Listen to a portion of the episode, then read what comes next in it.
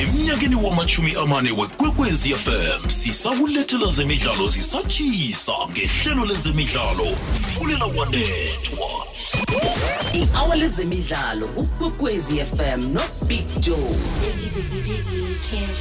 Isimbi yesihlanu itsho ukuthoma kwe-iri lezemidlalo ukwekwezi fm nobig joe. Kukhanya ba. Nangambala kukhanya bha kungomvulo angikwamukele mlaleli ngikulotshise kizo zonke indawo lapha ulalele ukhona. Siyathokoza ke ukuthi eh nokho neveke lesisekhona sizokukhamba sonke namhlanje ke siyalivula seyivula ke iveke eh siyokuhlukana lapha ngehour lesithandathu eh sibone ukuthi kwenzekani. Ziningi indaba kodwa indaba enkulu nemahloni nongazi ukuthi uzoyithini indaba yebanyana banyana. Bantu babiziwe kwathiwa siyokuvalela sayibanyana banyana. Abantu baya ngobuningi tatawu lazwa lazala swi. Kusela malanga nje ayi20 ngaphambi kokuthi kuyokudlalwa umdlalo wokuvula wephaliswano leBigiri yePass kodwa izinto zikhambe kumbi.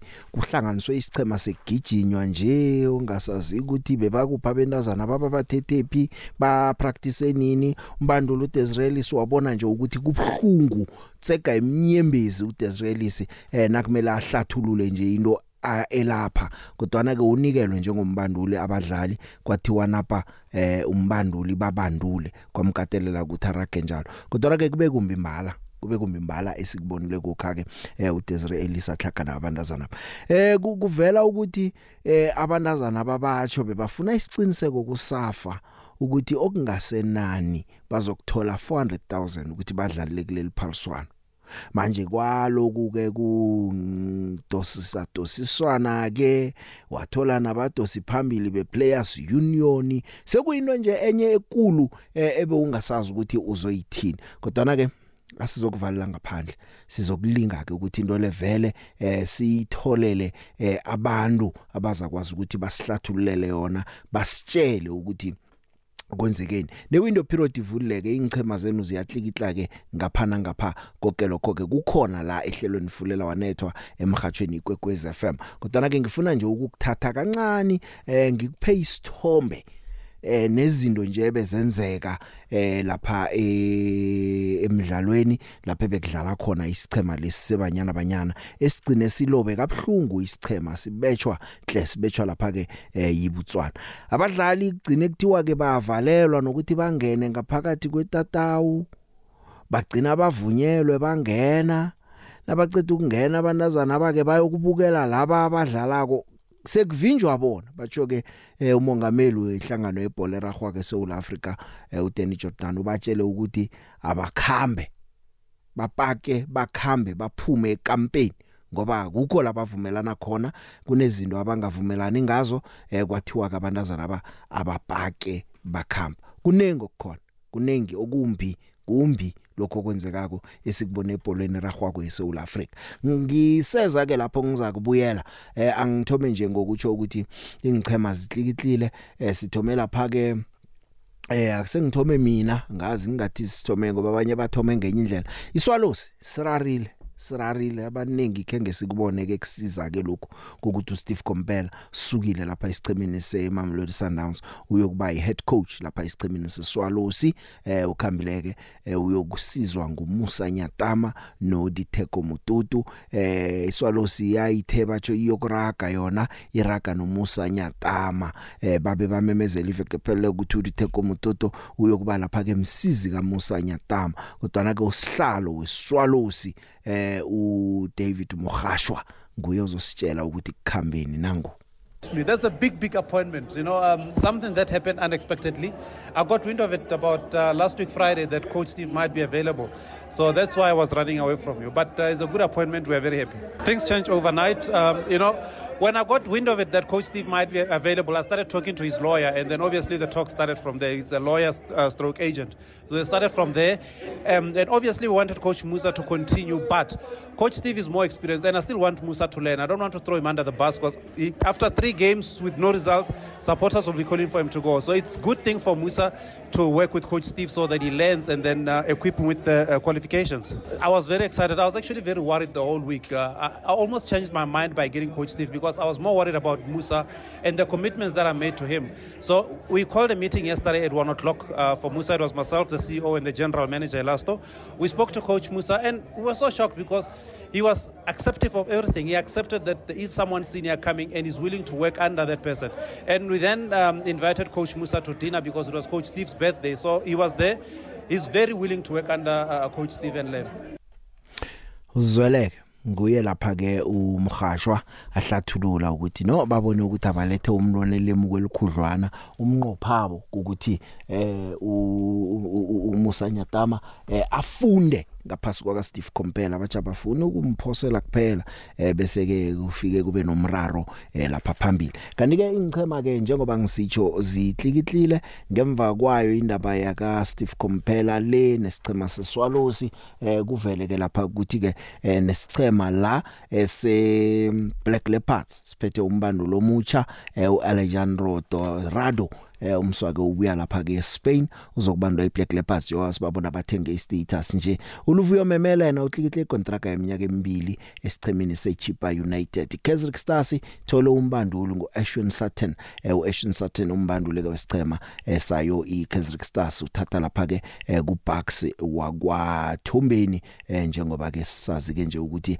wayekhulumile la emhathweni ukuthi ngasuthi ke ngehlangothini lokubandula uza kufuna omunye umuntu ozokuraga. Sichema seKaizer Chiefs siqeda ukumemezela abadlali abasithandathu naso nje eh esibathlikile nokho besisolo sesikhuluma ngabo sekuthi nje isichema ke eh, si sibaveze ngokusemthethweni. Eh beyisolo ithulile iChiefs ngeoff season ukufikela nje eh bebathoma lapha ke ukukhuluma iveke phela kona basitshela ukuthi umlefi Nseki nguye ozokuba mbandule esikhundleni sika Arthur Zwane Arthur Zwane no Dylan Shepherd bokuba basizi baka mlefi Nseki nje ke eh bakhe basitshela nokuthi Eric Matoho ukhambile uphatha uChetso nange naye ukhambile Cole Alexander ukhambile usiyabonga ngezane bamthengisele ngaphetsheya namhlanje ke basitshela abadlali abafikako nguthathu yona dihlokwe emswawa lapha eBotswana. Ubuye esicemeni senaga ekhabo kungasikade nje eh, ufikile ke esicemeni seKaizer Chiefs bathuthikile lapha ke icontract eminyaka emine. Uyokuhlala bekube ngo2027 esicemeni seKaizer Chiefs. Usipiwe given Msimango ubuya lapha ke ukuthi yes Galaxy icontract eminyaka emine naye. Umduduzi Mtantsane sichema seCape Town City. Umtantsane eh, iproduct ye Youth Development Academy yesichema seKaizer Chiefs kodwa na wakhamba eh, wayokudlala lapha adlala khona nje. Ubuya sekana 28 years contract yakhe ngeminyaka emibili iphela iminyaka emithathu kokho kuphela ngo2026 eh kanti ke bahlikihle nomswa weVenezuela uEdson Daniel Castillo Garcia. Eh uGarcia icontract eminyaka emibili neoption yonyaka owodwa eh ebangayingezelela lo mswabe bamkhulumisa isizini epheleleko eh kodwa ke batsho eh kwatholakala ukuthi eh abakabumqalisisa kuhle bamvumela ukuthi atlikihle icontract yesikhathi esincane esichemeni salapha eVenezuela iMonagas ngaleso sikhathi ke babe bamchecha ke ithena iphela ko icontract ebekayidlala leya bathi ngiyinto esiyifunako. Bamlethile ke une contract eminyaka emibili neoption yonyaka owodwa eh, ulindele ukuthi afike eSouth Africa yona ivekele. Pule Modi usuka ku Golden Arrows. Kunini afunwa uModi. Namhlanje ufikile ke batsho utlikihle icontract eminyaka emithathu esichemeni seKaizer Chiefs. Uranga chiba Babiro hlikihle icontract yeminyaka emibili esichimeni seKaizer Chiefs neoption yomnyaka owodwa esichimeni seKaizer Chiefs. Ngiyazi abaningi bazongibuza ukuthi uranka ngoba kuthiwe Richards Bay eh nami ngamuzwa usihlalo weRichards Bay nakakhuluma ukuthi uranga umdlali wabo. Kodwa na ke isichema seKaizer Chiefs sitina uranga eh une contract nesichema seMarumo Gallants simthethe kuMarumo Gallants ngalokho ke yonke into ke eh i above board yonke into ikhamba kuhle kungendlela abatsho ngakhona. Nangabe kukhona okhunye ke nami ngizakukhuluma ngakuzwa kwanje angezwe lutho oluhlukuleke lithi mhlawumnye ke kunomraro ngokuklikitla kwakaranga Chibabiro esichemeni seKaizer Chiefs. Ya ngizo lezo kwanje zokuklikitla kwabadlali kodwa na ke bengisakubuyisela emva phake endabeni lezi zesichema sebanyana banyana nenkulumo bezikhamba zivela lapha etatawini. Eh ngithe ngiyacala la ngabona ukuthi eh kubudisi kubudisi. Nakabe ubukela umdlalo izolo zokuvuma nami nje ukuthi into besiyibona kumabona kude leyabe ingasimnandi nakancane eh ukhona la eh umafovane. Ya umafovane lo uyi football manager ngathi lapha ke ku ku- ku- ku- ku- ku- kusafa eh ke bamkhulumisa lapha eCadi eh umzwandile Mafovan aletha nje iupdate ngomdlalo weBotswana nebanyana banyana. Lo bekumele udlale ugcina udlalile khona ngoba abantu bebambethe ijezi lebafana lebanyana banyana ngiso isicema senaga asizwe nje into bezikhulunywa izolo etatawini apha. We are now joined by Mr. Mzwandile Mavurvane. He is the SAFA Football Business and Events Manager. Mr. Mavurvane, siqale nje sibonga ukuthi usinike isikhatsi sakho. Mhlambe uma ungasitshela ukuthi as far as wena uwazi yini inkinga eyenzakalayo la namhlanje ukuze nje umdlalo ungaqali ngesikhathi ebesibekiwe. I think, uh, Romy, first we need to, to start by indicating to the viewers at home that we have requested uh, the match commissioner to start the game at 1600, though the game was scheduled for a kickoff to be at 1500. We had to ask them that we should have a one hour delay, of which he has accepted and agreed that we're gonna uh, start. So our match will be starting at 1600. Then there are challenges that we had with regard to the team that I believe the, the governance structure of SAFA, that the NEC was dealing with those issues. But ours, we have to focus on the game. Then I can assure you that the game will kick off at 1600 as promised. The game will kick off at 1600 as promised. I can tell you now, I do see some players coming onto the field with play. But Gloria Brown, I normally don't wear glasses. Um, ngibona kahle ukuthi labadlali esibabonayo baphuma la Gloria World laba balo squad. 23 esimlindele I can't even identify a I single saw Lisa. Mokwena um but obviously not part of the 23 it seems like it is a totally different squad No, definitely it is a totally different side. Um, I'm, I'm seeing Desiree Ellis, who ultimately is the custodian of coaching in women's football. She is the coach, and rightfully she's taking her place. Uh, she's walking on the field. Uh, but uh, from a player's perspective, that is not the Banyana we know. Uh, that is not the Banyana that is going to the World Cup. it's not the That team to be not- sending So off It's not the that's team not that we the team expected, that yeah. we're expecting here.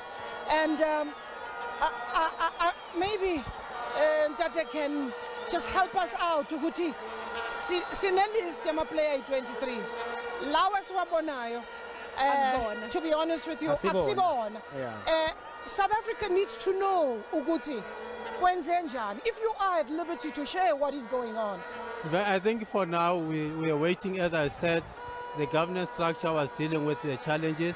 But what was important was for the coach to have the team Yes. that is going to come and play here to honor the supporters that are here to come and watch the game. Because the main interest was to come and watch the game, of which I believe even the player themselves that the team, the, the coach has in the team, are the players that are cap- capable to can represent the team anytime or any day. And they came here ready to do what they do love and what they like mostly, being playing football. Uh, with all due respect, Bob, I'm seeing players from Springs Home Sweepers, which is a team that is playing in Sassel. When we're talking about week in and week out, the Hollywood bets, there's players that we see. These players are players that are playing in the regional league. yeah Is that the players you are saying South Africa deserves to be watching and wearing the Banyana jersey? Is that Yeah, what you're saying? game. But to be honest, having told you about the challenges that we are, we are experiencing, eh, what is important is that SAFA had to come up with Plan B for the supporters that have honored the match to come here.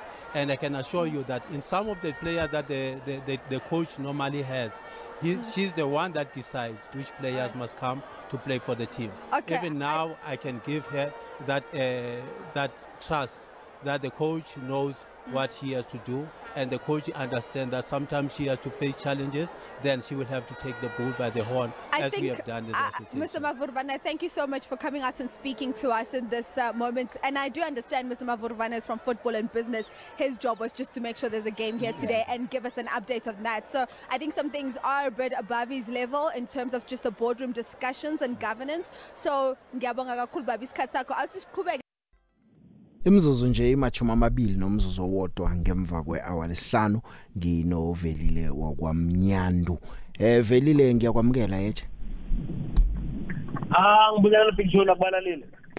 Siyathokoza velile eh, ngemva kwephela veke eh angazi ngithi lihlazo noma ngithi lihlazo noma ngithi lihlaya ijoke into esiyibone izolo eh lapha bekumele kudlale khona ibanyana banyana. Baningi nje sebabonile ukuthi kwenzekani kodwa ngifuna ukwazi umsusa kuhle kuhle kwenzekani velile? Kubangwani kangaka? Yeah, no, I think firstly, uh, I was listening to this clip and listening to Gloria, uh, um, and my colleague, mhm you know, and um, I thought she was very good. Um, she was very good in how she handled this situation.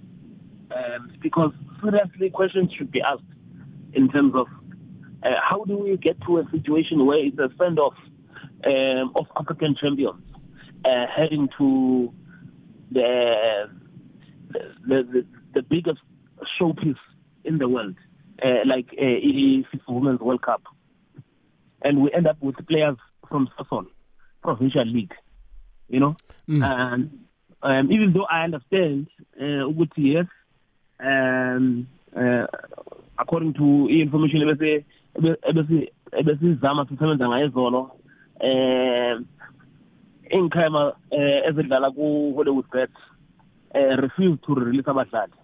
You know? Velile nawe unesichema uyabaza abantazana bayokudlala. Nami ngosonto ekseni kuthiwa letha abantazana bazokudlala ba ba- ba- bakhethwa ngibani number 1 ba train nini? Eh uDesireli sewanikelwa kwathiwa napa abantazana badlale musikalendlela yeah but also also Big Joe uh, the issue the issue here is that uh, before you even agree to release players when as ukhema you've got players in that team. Mm. You know? You've got players in the original banyana banyana squad. So how do you then knowing the challenges and the plight of women's football uh, kule country yethu how do you become party uh, to the disrespecting um, of of um, the number one national women's team uh, in the country? Yeah velile. Uh, u- u- u- release abadlali. You know uh, to say go and replace Zabaya you know? Mm, because now you are going to be forced when those players come back after the national team camp ukuthi eh kanti nenza kanjani? So ukuthi we we can't trust uh, a relationship that we have with the team. So i understood and and some of the clubs that i spoke to i thought um they they really showed leadership around this. Velile ya be- benze kuhle. Be Hollywood labo ingcheme ezalileko kuhle zicho zikhombise ukuzwelana nalaba abasekampeni. Eh konke lokho sesikubona. Engifuna ukukwazi kubangwani ngoba kokthoma eh sakhe sezwa ukuthi kuhle kuhle abentazi laba abakathabi ngetatawu ekuyokudlalwa kilo lapha etsakani. Sathi sizwile eh kwavela indaba yemali. Ukuthi imali ngasuthi isafa ayibaphi guarantee yokuthi imali le abayithenjiswa yiFIFA eh iza kutholakala. Bayifuna ifakwe kuma contracts wabo ukuthi bazoyithola imali lebuya kuFIFA. Manje okuliciniso ngikuphi? Kubangwani? Yeah, no, Joe, uh, I think that is the first point eh lokukhuluma ngayo ngemali. Um ukuthi um there must be a contract okokuqala because each and every time makuyiwa kwi tournament there's always a contract, you know? Um so namanje bathi there's- there there should be a contract um and kule contract lena kubhalwe ukuthi eh nale nale mali yeFIFA nayibhalwe ukuthi eh, bazoyithola mm. you know and and lena ke Bijo i think ikhombisa ukungathembi kwabadlali yeah you know yeah and yeah and and lento yakutshela ukuthi eh, kune history mhlawumbe yokuthi bakhe eh, ba ba- ba short change lapha nalapha imali abo bangayithola kuhle nje. Bafuna i-guarantee before ukuthi imali I-guarantee. leyo bazoyithola ibhalwe phasi bangatshelwa ngomlomo. Yes and and and abanye abantu engikhuluma nabasho ukuthi previously uthola ukuthi hayi no eh uthola ukuthi ya iba khona leyo nto leyo ukuthi eh izo izo izoba khona imali or mhlawumbe kudonate imali somewhere mayisuka kuma players ayisa- ayisalingani. You know?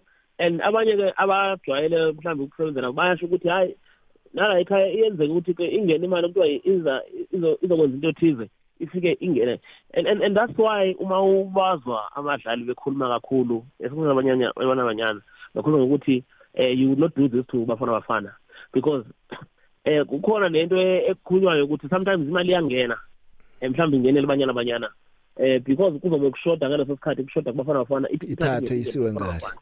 yabona so eh so now that's why abanalisi banikeza i-background eh to this thing you know not yokuthi okay uh, because now the narrative is that the girls are greedy. They want more money. Mm. no no. And then i want to come to the issue of the union. And you know very well ukuthi recently i was in uh, in botswana. Mm. you know um i went to botswana to attend uh, i-fifth pro africa congress.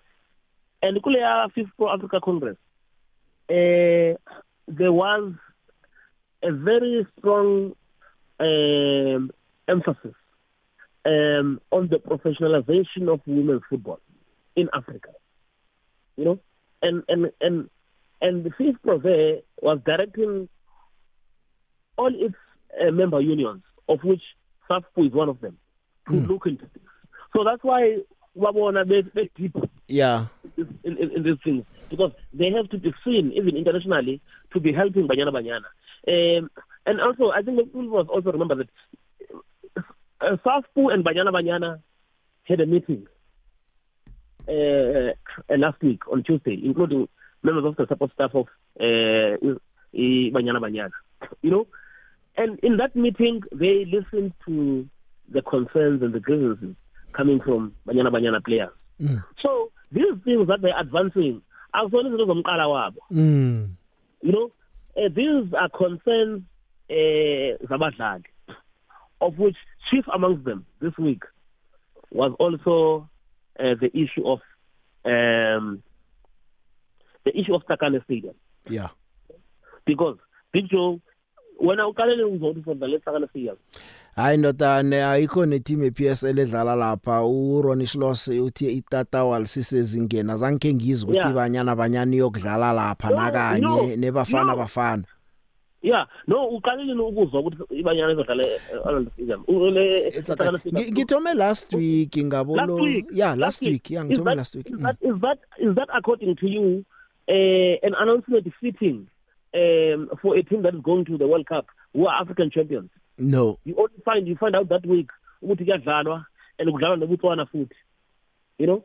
Um no, okay. You know, so so the the issue the issue here um, and we know, we know. I mean, uh, I know I've dealt with. I I interviewed uh, Professor Sloss about the the issue of Sagana Stadium and other grounds that are not um, uh, suitable to to host a Motuka Foundation uh, Championship uh, matches. Now, mind you, Motuka Foundation Championship matches that are not even on TV. How much more about the Banyana game that is even going to be on TV? You know. and also it's an international match ngizwa ngizwa ukuthi nebutswana nayo nebutswana nayo beyinomraro ngetatawela nayo yeah but manje because they are invited and mm. they are already here and uh, they they had no choice but to play but i understand why uh, um forced to play the game yesterday you know um because they were also running away from a fine fine mm. yes because uh, remember SABC was showing the game the trucks uh, are already there at the match venue um advertising has also been sold uh, around this game and so the, the, the, they had uh, some guarantees velile velile ithi ngiye enhlokweni zendaba ngiyabona Eminyakeni wamachumi amane wekwekwezi FM sisakulethela zemidlalo zisatshisa ngehlelo lezemidlalo fulela wanethwa. Imzuzu kusele machuma amabili nebunane ngaphambi kwehour lesithandathu nginovelile velile eh sekuthi ke siphutshwa sikhathi. Njengoba kunje sekubonakele ukungezwani nokudosa dosana eh simbonile upanyaza lesufi angenelela kodwa na ungenelela light ngoba siyazi ukuthi FIFA ifuna umbuso ungenelele endabeni zebhola nayo usuzama nje ukulinga ukuthi kube khona la kuhlanganwa khona kukhulunywa khona. Kukhona esekwenzekako going forward imihlangano ukuthi kulungiswe umraro lo kusele 20 days ukuthi kuthome iWorld Cup kumele bakhambe ngolosithathu abantazana. Yeah, Pijo. So I think from what I understand is that uh, uh, negotiations are continuing in the background, um, and uh, the two parties are going to find each other. Look, uh, these are African champions, and uh, ucoach uh, uDevre Ellis seyiselectile iteam yakhe and ayikho into ezoshintsha lapho. You know, and and and I don't think even Safa also is in a position yokuthi eh icekele phansi ukuthi ke eh they want to go there and and for South, South Africa to impress so these are things that uh, could have been dealt with I, I also think that Safa has left the things too late uh, you know and and also I, I understand where the players come from, especially mm. on the on the issue of or, uh, opposition. You know, last week that uh, we ran a story last week. Actually, uh, I'm sure you guys uh, were also using that story when I was speaking to the coach, uh, because I had spoken to someone in Europe. Mm. Uh, la khona bengithole ukuthi uh, we had an invite from uh, to from Europe to play Switzerland and and Australia and, and, and Germany, and we ended up not taking that Mm. uh, that invite. And our organizers then they, they then offered it to the Copa Queens, Mm. Zambia. and Zambia is playing, Zambia in fact mm. yeah, is playing Germany this week. They played three three all draw against Switzerland last week. You understand? And Tina Sala and Botswana. And the reasoning that I'm getting from Safa, from the coach, and also even from the CEO is that they wanted to, for now, they were not entertaining uh, overseas invitations. Because they wanted to have a send off here at home. You know? ya i- i- And ikhambe kumbi ke i- i-send off leyo ngoba azange kusaba i-send off angazi ngabizwana abantazana aba bakadlali abantu bayile bathi bokuvalela isibanyana but- banyana kwabhala eh sekwadlalwa nje uku-honora i-fixture leyo Yeah, but now the issue is that uh, the players from other countries, for instance, Morocco was playing against Italy, let's dlala nayo, Mhm. you know. Um, so the players are seeing other countries, uh, and now they wanted to test themselves against stronger opposition and against teams about World Cup. uyangithola?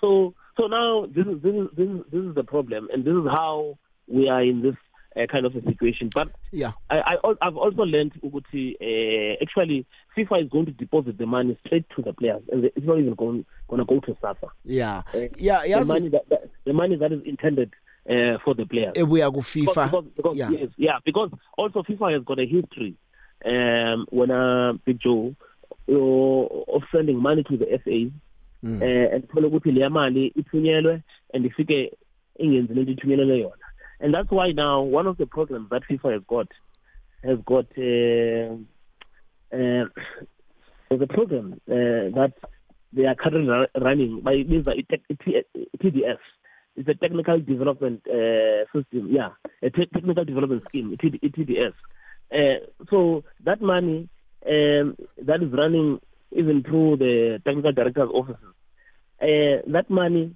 ayiyi naku-fa uh, bayispenda direct. This this this week for instance there's an under 15 tournament um, that SAFA is doing including provincial uh, academies and all. Um, it, it's controlled directly uh, at FIFA. It's not going to SAFA because Mm. uh, bathi they've learned especially la e-africa ukuthi sometimes bazothumela imali kuthiwa makwenziwa into so Ingayi then- lapho. ingayi lapho velile umbuzo wami omunye bengifuna ukuwubuza ukuthi le mali ethenjiswe abadlali eh sikhumbule ukuthi ifederation nayo yokuthola imali close to 30 million. Le mali ethenjiswe abadlali i separate akusiyo le 30 million yokutholwa ifederation angitsho? No no no it's separate. Okay. It's separate. Separate. So- bengikufuna ya. So, yeah. So what what is happening? What is happening is that, um, and and this is something that I also learned when I went to the Pro Congress, around around um, uh, October last year. Uh, i-fifth pro uh, njengoba siyazi ukuthi i-fifth pro yi-fifa ama-players unions um where isafpu is also affiliated so they got uh, they they had a letter which was signed by 150 women's national team players um, un- under IFAF Pro and their, their, their member unions. And uh, this is a letter that baye bayithumela to ifi- iFIFA. Eh iletter la yakhona bebecela ke i-professionalization eh of the Women's World Cup. yeah So kula kula khona bathi ke Big Joe eh, it is not just based on money only.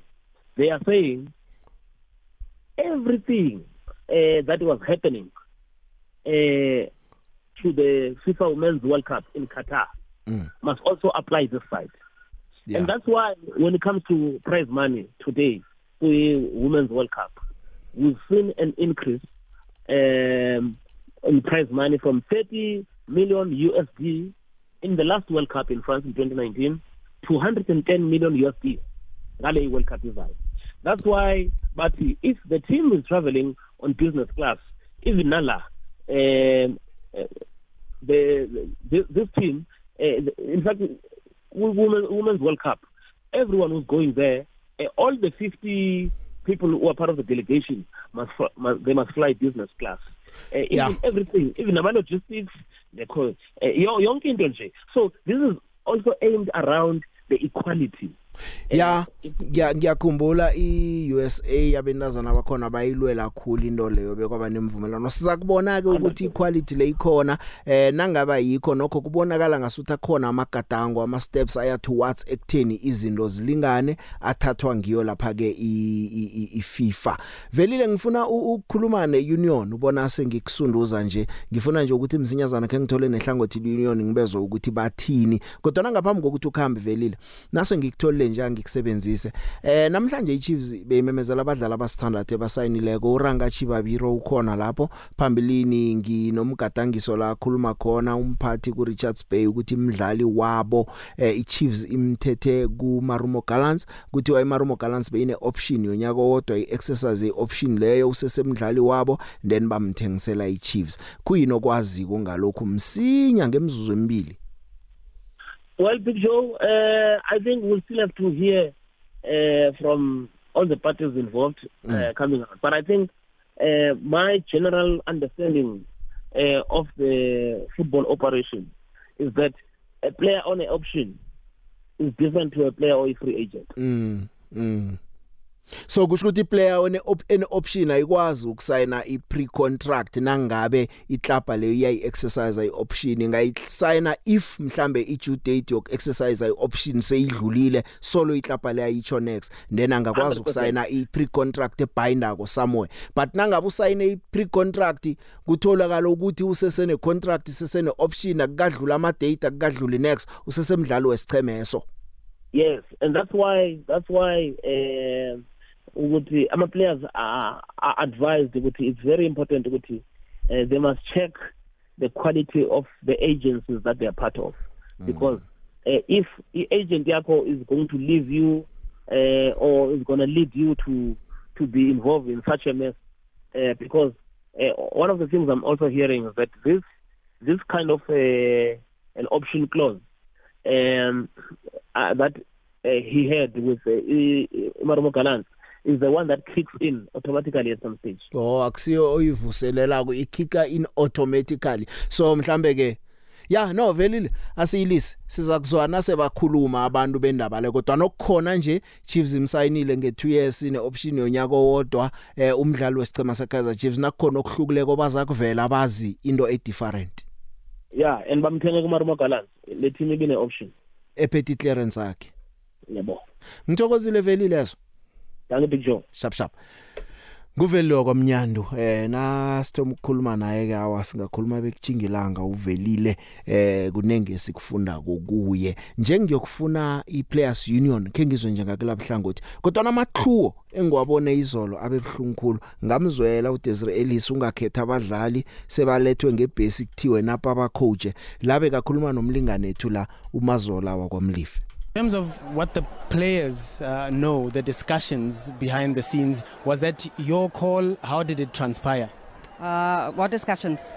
With regards to this game happening today, who's going to play? Did you pick the team because we know that you are going to the World Cup in a few days? Well, we had to put a team on the field, so we have a team on the field today. And coach, how did you get to prepare for this team? Well, we have a team and we'll be ready to play. And Botswana, I, I know it's difficult, coach. Uh, I mean, I can hear even with the short answers that it's not a, a normal situation. Um, if you could just take us into your confidence, what would you expect, and what would you tell, like to tell South Africa, the fans that are here at the moment, hoping to have seen uh, the first team? Um, I first want to say thank you to the fans that have come out. Um, they've always been our biggest support. They've always been our 12th and our 13th player, and we appreciate that. But one thing I must also say, people must not forget this is the same Botswana that knocked us out of the Olympics. So they will put up a very good resistance for us. And going back, Coach Des, um, what is the situation now? Obviously, these players you can't pick them going forward. Is it to try and patch up things because you, you you've got a tough assignment that's coming up now? Well, we, once we get the game out of the way, obviously we'll sit and uh, sit down and see the way forward. Coach, let me leave it there. I would love to ask you more, but I know you it's beyond you. You, you don't have enough uh, answers to give me today, but good luck this afternoon. Thank you. Uyamzwa uDesire umuntu wabantu ngimzwele kangangani nangimzwa ahlonywa ngembuzo ekufanele koyibuzwe nokho kodwa yena kunanto angayenza eh ngoba umbanduli unecontract nesafa eh nokuwomapa nje bekungana physical trainer ukhonile bekangekho ukuba thabulula labentazana eh bekunguye umbanduli aphutha imkhono ngemva azithabululela bona. Ngikujemthile ngathi ngizokufuna we union nginotebugo okomnyayi utebugo ulisekela lika mongameli wehlanga inhlangano ejamela abadlali eSouth Africa ke sizwe ngaye nje ukuthi kwenzekani. Tebugo ngiyakwamukela emhathweni yeche baba Thank you and thanks to your listeners as well. Siyathokoza Tebugo izolo sibone ihlazo ilanga eliyimbini elinzima eh, ebholweni eragwako eSouth Africa eliyokuhlala likhona emkhumbulweni nencwadini zomlando. Yeah, you know uh, it is true ukuthi izolo is some incident that happened at Sakani Stadium uh, between the Banyana, the original Banyana Banyana selected players and South African Football Players Union together with the SAFA leadership where uh, the players made it clear that they they want to play the match but they don't want to honor the match in that pitch because that pitch was terribly uh, maintained and uh, they had a risk of losing their careers or not going to the World Cup in terms of sustaining injuries.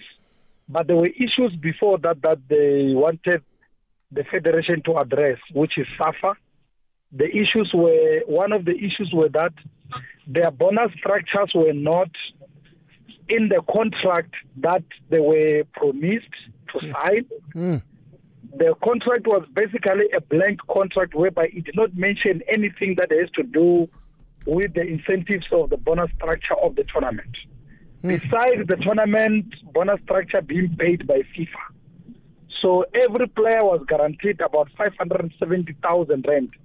The players requested that in the contract that SAFA gave them, they must also include the 570,000 rand in the contract as their bonus appearance fee for the tournament. Should they proceed to the next stage, which is the last 16, uh, which is the second round and last 16 quarterfinals, semifinals, including the final, Mm. it is clear that they know how much is South African Football Association is going to pay them. The association refused to engage on those issues because we wanted it to be clear before they leave the country to the World Cup. They knew that how much are they entitled to get. So the other issue about the stadium, I've already explained that they do not have an issue playing in Sakane as a as a venue, but they had an issue with the pitch itself because it's not a FIFA approved international standard in terms of the World Cup preparation. You would remember that the uh, uh, SAFA received $960,000 from FIFA, which is about uh, 70 million plus for preparation for the World Cup for these women. And they all they further received 30,000 30 30,000 US dollars for the players directly through the South African Football Players Union so that uh, I mean the South African Football Association so that the players can receive their 570,000 rand per player as their appearance fee for the World Cup. But SAFA were not prepared to come and open up and negotiate with the players to make sure that those figures appear in the very same contract that they are forcing these players to sign. And when we looked at the contract as a union, we looked and said, no, this is more of a code of conduct uh, than, than, than, than, than a contract. Mm. So now we advise the players that this is a code of conduct. It's not a contract. The contract must include bonuses and incentives to say, should you guys pass the first stage, second stage, you go to the quarterfinal, you go to the semi-finals, you win the World Cup. Uh, this is how much in terms of bonuses you're going to get. We even said to the players that we don't want a situation whereby you go to the World Cup, you get to the hotel, now you strike and say you cannot Mm, play the World Cup mm. because the federation did not agree with what you wanted. So we be- want be- this be- problem to be solved. Yeah, benifuna Really nabakhamba before kube s- you jump Yeah. into the flight. So, the federation was not willing to entertain their requests. That's where the union and the players had a problem. Manje sibonileke ukuthi kwenzekeni kugcine kudlala i-second string squad esibuthelelwe kuthiwa abadlali ngebesasola kusibo nebe-hollywood bet super league. Umdlalo udlaliwe u-honoriwe ngoba babalekela ukufayinwa eh ba- ba- ba- bawudlala umdlalo loyo. Ngemva komdlalo eh upremier upanyaza lusufi ulingile ukukhuluma khuluma ukuthi amahlangothi amabili lakhe kuhlanganwe kukhulunywe. Namhlanje yini okutsha okutsha okukhona going forward? Kwenzekani? Imhlangano imkhulumiswano ikhona Uh, let me basically take you back to say how did this whole incident start? Uh, the players on a Sunday they were willing to go to the stadium and go play, but the federation, the program said at 12:30 the players must be in the bus to go to the stadium. Indeed, the players were in the bus at 12:30, seated in the bus to be driven to the stadium. But we received, as players, we received a message from one of the NEC members that, the, or rather the head of delegation, that uh, the president said the bus must not leave up until he arrives. So, so now the president never arrived. We waited, the president never arrived. Only to find out that it was a tactic for the president and his NEC members to delay the players not to go to Tsakani Stadium because they are going to disrupt the the players who were selected at 12 o'clock to go play for that particular match or to honor that particular match. When we we realized that myself, I agreed with my leadership that some of the leadership must remain at the Parktown Hotel. I drive to Tsakani Stadium to see what is happening there because we suspected a foul play. When I got there, indeed, I realized that another bus had transported different set of players to go and honor that match.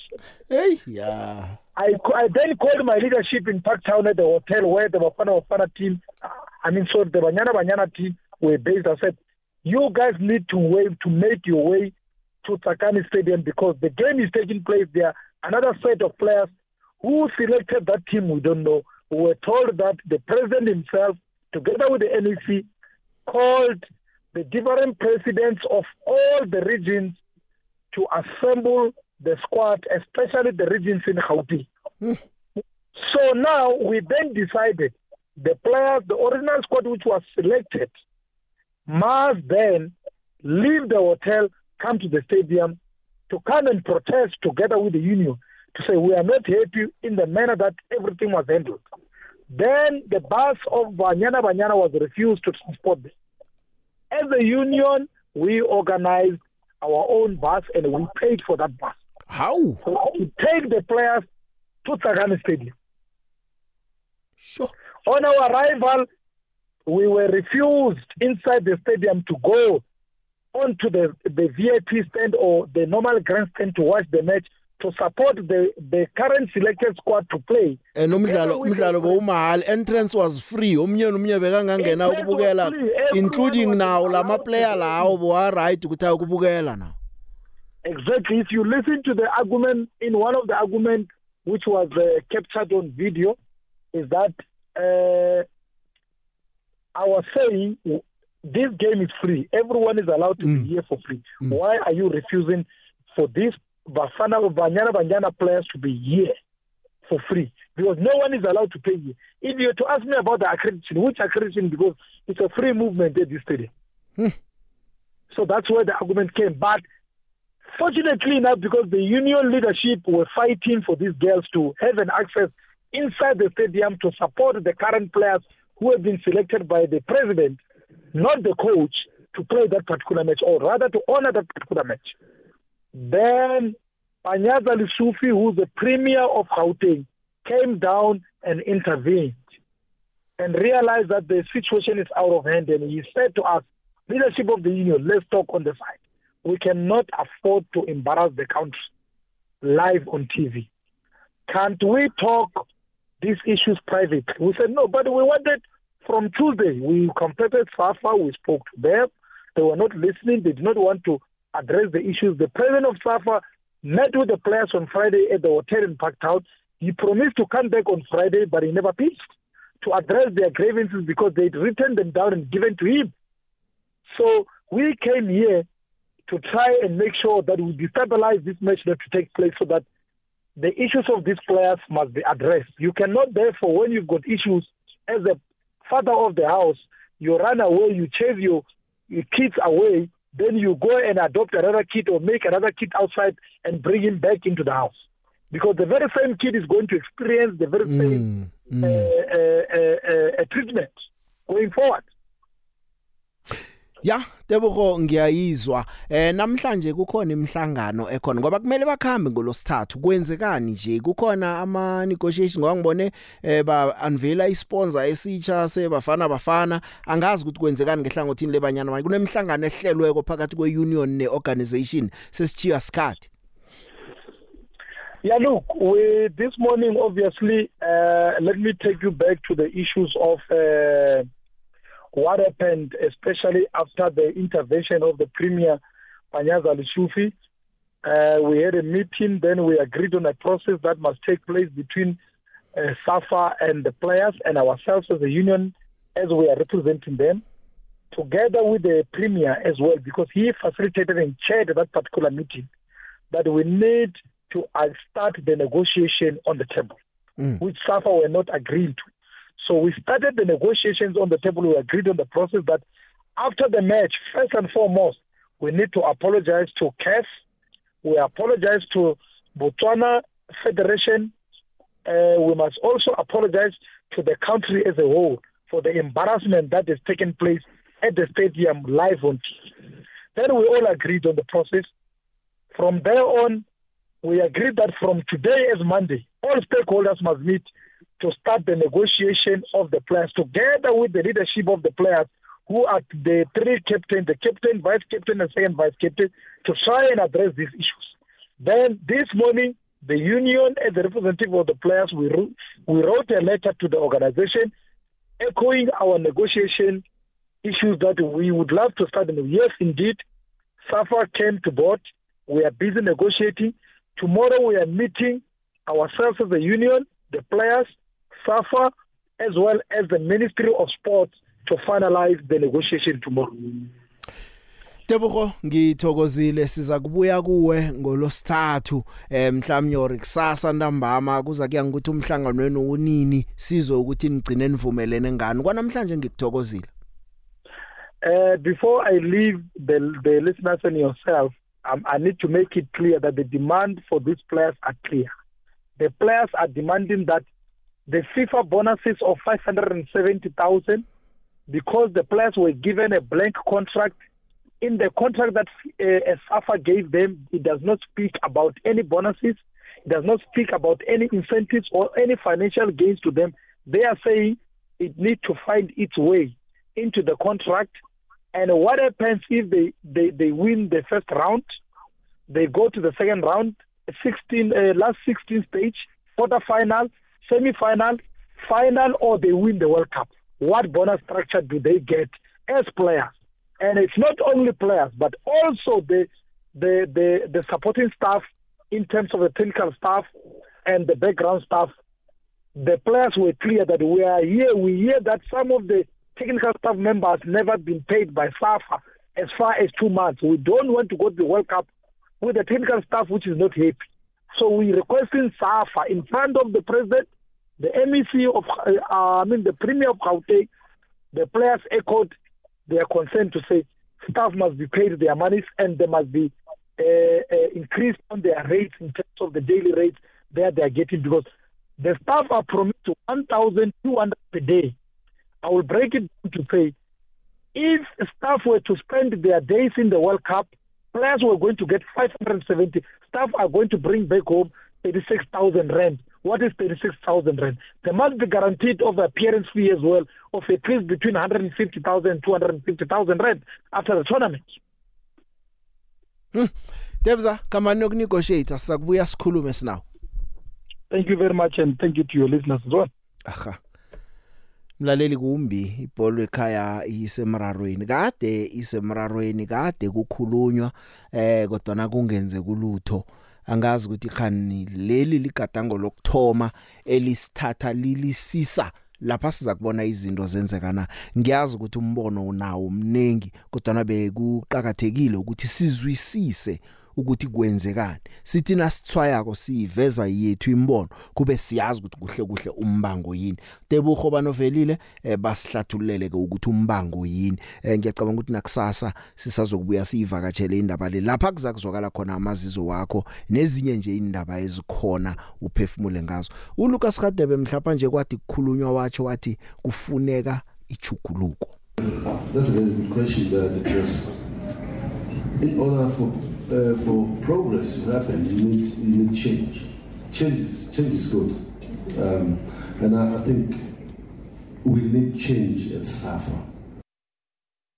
Wayibeka kahle yakhanya wathi kufuneka ichuguluko kusafa. Khani sengiso isikhathi. Kunini kukhulunywa ngechuguluko kodwa na into ebethako sinaga eSouth Africa eh thina senza izinto ngekambiso yeningi abantu nakuthiwe ngiba abavota ko bavota sitawa idemocracy bamkhethile umuntu uvotelwe nanyana sisemgodini eh kodwa na wavotelwa umuntu uvotelwe ekhaya pha idemocracy ngazi ukuthi lokho kuyokuraga ukufikela nini. Mhlawumnye lokhu ngikho okuzokwenza ukuthi kube nechuguluko esolo selifuneka ebholweni ragwako eSouth Africa mina nawe sihlangane kusasa. Ari? The big? Uyezwa? Indaba. Engiyazizwa hey ya kumbi. Batshe icontract ayitsho ukuthi nokutholani ayitsho litho seniyokudlala. Manje bayifuna ibhalwe phasi ukuthi nababuyako bayithole into ekumele bayithole. Awa mina ngiyibona ife. Izinto zihlolwe phasi bakwethu sivumelwana asihlangane kusasa mlaleli ngithokozile.